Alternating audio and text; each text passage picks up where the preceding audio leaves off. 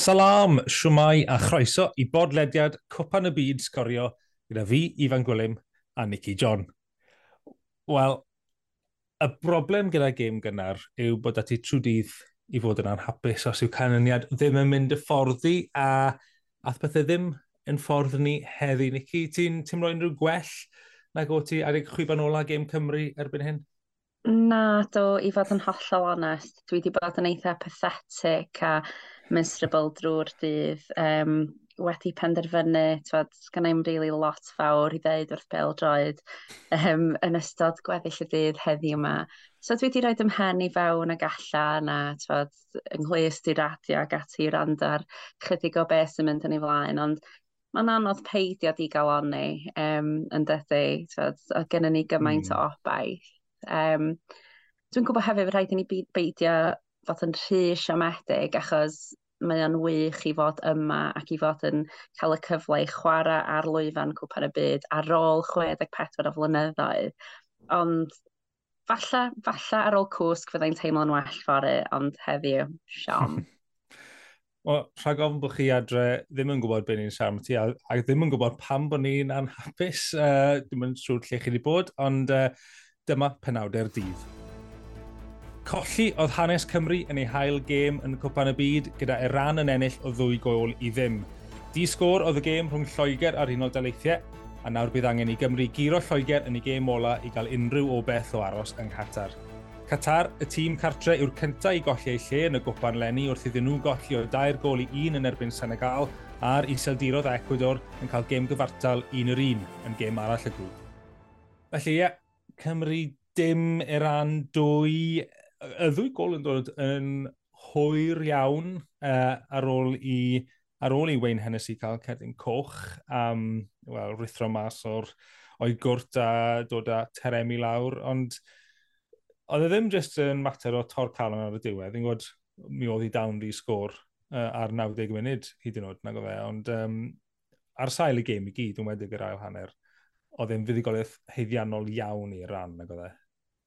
Oedd, oedd, ti'n gwybod be mi oedd hi, ac er bod hynny falle yn teimlo'n anodd i ddeud allan yn uchel, um, dwi wedi bod yn trio meddwl yn ôl heddiw yma ynglyn â lle oedd cyfleon Cymru a lle oedden ni'n creu cyfleon.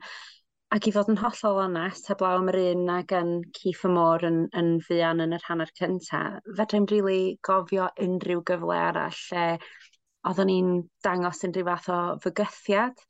Um, wrth gwrs, mi gafodd Iran i gol nhw yn yr hanner cyntaf yna oedd diolch beth VAR yn dangos bod hwnna um, yn gol lle oedden nhw'n cam sefyll, felly oedd na ryw ochennaid o'r had wedyn o fod yn cyrraedd yr egwyl ac yn gobeithio um, am, well, am ryw fath o, dwi'n gwybod, rhywbeth yn mynd ymlaen yn yr, yr stafell newid i ysbrydoli ar gyfer yr ail hanner a dechrau cwestiynau hefyd, wel, ar ba bwynt mae yna newid yn mynd i gael ei wneud, oherwydd un peth oedden ni yn, yn colli um, oedd unrhyw math o gyflymdra o'n i'n teimlo felly oedd gweld uh, Brennan Johnson a Dan James yn dod i'r maes um, yn dod ychydig o, o baith o ran hynny wedyn.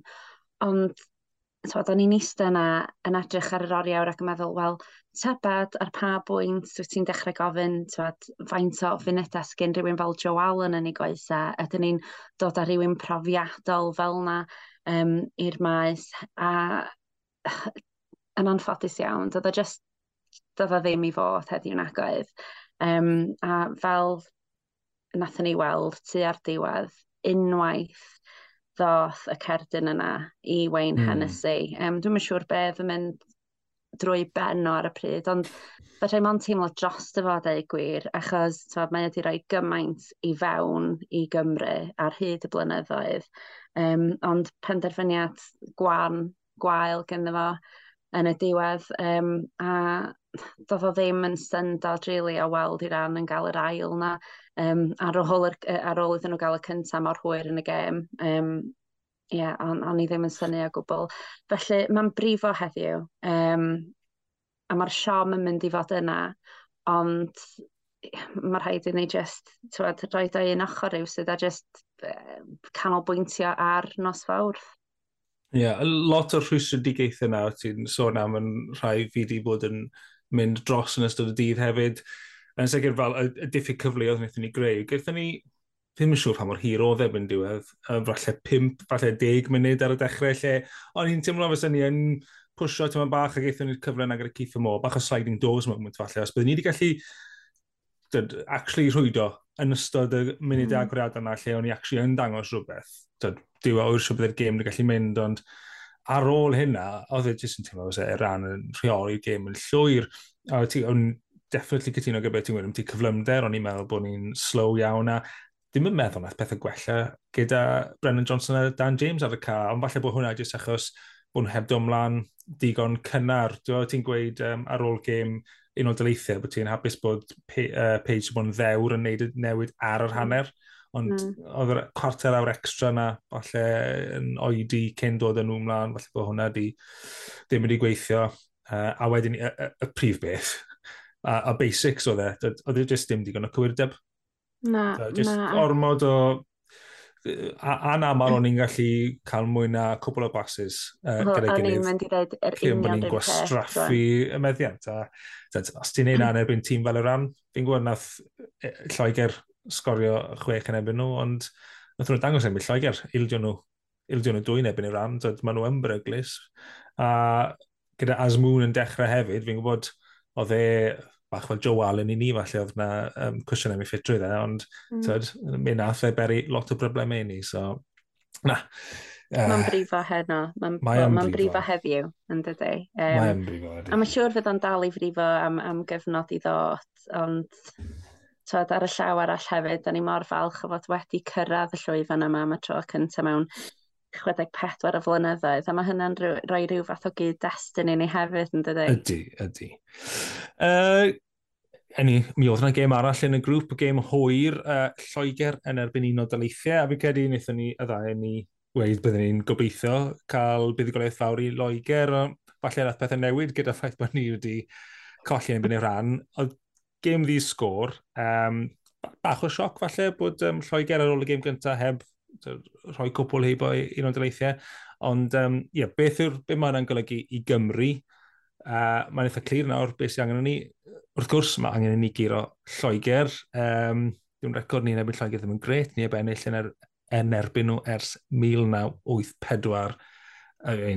Ar sail be welon ni heddi, ti'n meddwl bod hwnna yn Wel, dwi'n meddwl bod yn debygol beth welwn ni heddi. Be, sy'n angen newid, ti'n meddwl, Nicky, er mwyn i ni allu curo yn Lloegr? Wel, dyna'r cwestiwn yn da. I mean, i fod yn hollol onest, o'n i'n ffeindio'n anodd iawn i eista a gwylio um, Lloegr yn erbyn America.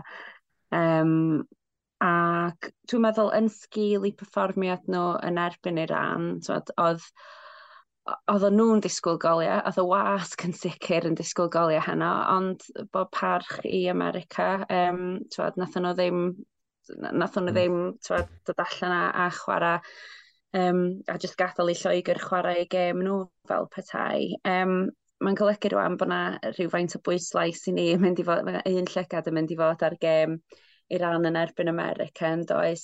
Dwi'n yes. ffeindio'n anodd iawn i weld ni yn sgorio yn erbyn Lloegr i fod yn hollol onest. Um, er gweitha'r drafodaethau ynglyn â tywed, pa mor sigledig ydy amddiffyn Lloegr yn gallu bod, rhaid i ni gofio hefyd, dydyn ni ddim yn dîm sydd yn sgorio goliau niferus. Ac os wyt ti'n edrych ar y rhediad o ganlyniadau, tywed, pur anamal, da ni'n sgorio mwy na un gol, dwy gol mewn gêm um, sicr ddim yn gweld ni'n sgorio'r pedair gol na. Mae bobl yn siarad amdano nhw yn erbyn Lloegr um, nos fawrth. Ond ie, yeah, be sydd angen newid? Dyna, dyna ydy'r cwestiwn, i fan, mm-hmm. be? Mm, ie, yeah, wel, fel ti'n gweud fyna, goliau sy'n eisiau. Um, falle dechrau gyda Gareth Bale, Keith Moore, Dan James, a Brennan Johnson, falle bod hwnna'n Mi'n gallu chymygu ni'n swamped yn ganol cas ni'n neud hwnna, ond uh, hei, mae eisiau ni'n neud rhywbeth gwahanol i beth nath uh, well, beth ni'n neud heddi. E, e, hyd yn oed rhywbeth lle mae, lle mae Aaron Ramsey'n cael symud chydig bach mwy a cael chydig yeah. bach mwy o ryddid, achos dyna rhywbeth doedd ni ddim yn gweld um, yn erbyn Iran, um, sydd yn anffodus, felly mae eisiau ffeindio ffordd o fatre y problem yma yn does. Ie, yeah, ie. Yeah. Um, Dyw as if bod hwnna ddim digon anodd, dyw curo Lloegr ddim yn, yn ddigon, mae, well, mae yn ddigon os ni'n sgorio lot yn erbyn nhw, fel o ti'n gweud, ond gallen ni sgorio un yn erbyn nhw, a bydde hynna'n ddigon os yw un o dyleithiau a Iran yn gêm gyfartal. Fi credu hwnna yw'r ffordd hawsa i ni, just gael un gol a croesi brysydd bod y, bod y canlyniad arall yn mynd o'n plaid ni. Uh, wedyn ni, pan hawn cynnar mi oedd yna gemau yn grŵp A. Um, Dwi be, oedd y gêm isadurodd Ecuador, o'n i'n meddwl, yn donic, actually. Nath hwnna godi'n halon ni, achos oedd e werth gwylio Ecuador. O'n nhw yn... O'n nhw jyst yn neud popeth o'n ni byddwn ni'n licio gweld Cymru wneud. O'n nhw'n mynd amdani, o'n nhw'n cymryd cyfleoedd, a nhw'n chwarae tempo uchel, a jyst llawn egni. A da, os byddai Cymru wedi chwarae fel yna, a colli o bedair gol i ddim, o leia byddwn ni fel, wel, wnaethon ni roi shot yn ni. Chwarae fo ryddid. Yeah. Chwarae fo ryddid. Ond, um, ie, yeah, twad, mynd yn ôl i ddechrau'r gêm, a dwi'n meddwl, oedden ni'n sôn yn dofan yn gynharach yn yr wythnos pa mor braf ydi gweld yr iseldiroedd yn ôl um, ar, ar y lwyfan yma. Um, di ennill yn gynharach yn yr wythnos o ddwy gol i ddim. Gol uh, Cody Gagpo o, o ambiwter oedd honna, a dwi'n meddwl bod fi'n deud y gwir pan dwi'n deud na dyna oedd y gol gynhara yn y twrnament hyd yma i gael ei sgorio. Um, a ie, yeah, mae, mae hwnna'n gol werth i weld, cerwch chi edrych amdani os da chi heb weld i mae'n un i wylio drosodd a drosodd.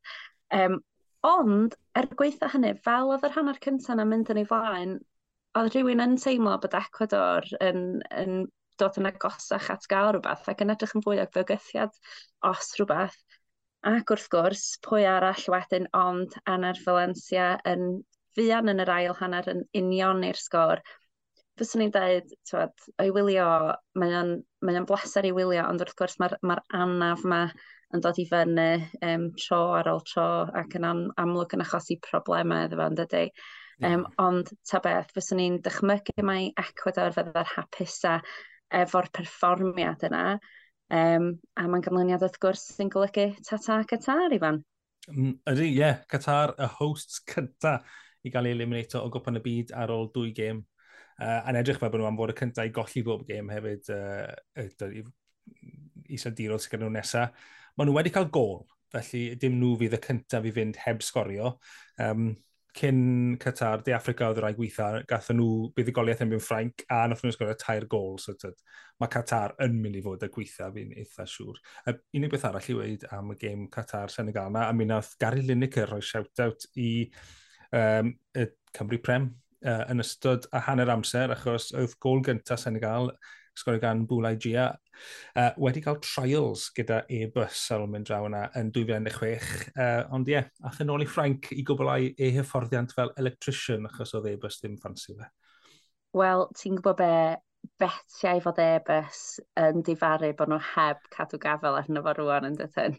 Wel, gallen nhw wneud y fe hyn o bryd. Bendant.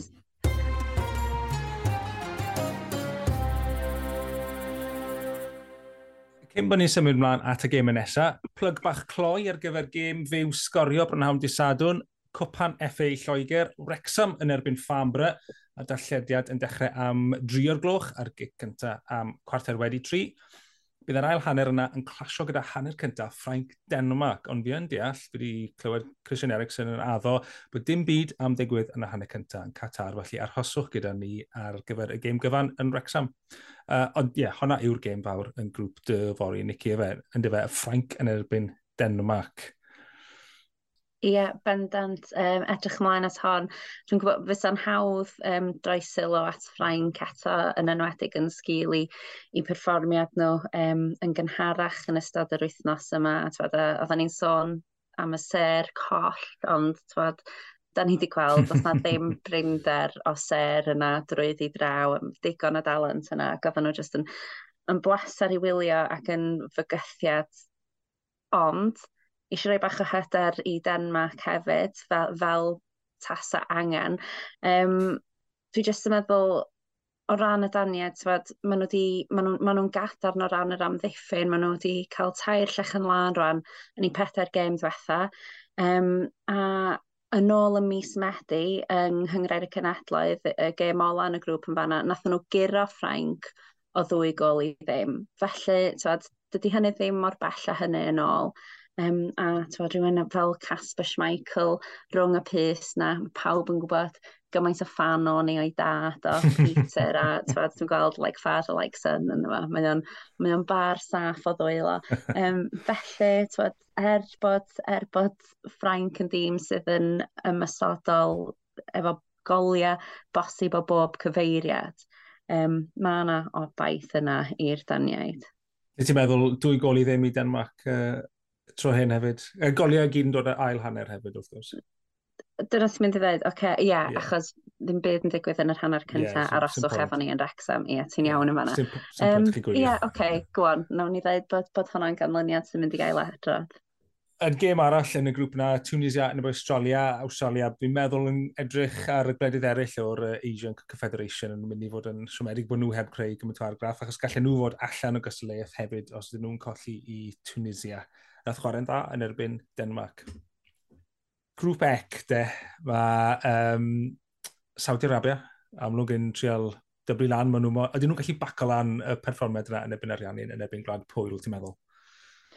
Wel, y peth ydy, oedden nhw just yn anhygoel o dda yn erbyn yr Ariannin, oedden, a nid be oedd unrhyw un ohonyn ni dira e gweld. Ac oedd hi'n ganlyniad mor dda, oedden nhw wedi cael diwrnod o wyliau ar draws y wlad yn Saudi Arabia y diwrnod canlynol. So mae'n jyst yn dangos pa mor adwydd, arwydd o cael o ganlyniad oedd hwnna, hefyd pa mor anisgwyl. Um, a wedyn os wyt ti'n ystyried y gêm rhwng Gwlad Pwyl a Mexico, twad, dim goliau yn fanno, a o'n i'n siarad hefo cymedog heno sydd yn bwyleg ac o'n i'n gofyn iddo fo am Lewandowski a nath o just rowlio lygate arna i a just dweud, twad, fyddwn ni'n ffain yn erbyn yr ariannu'n meddwl fo.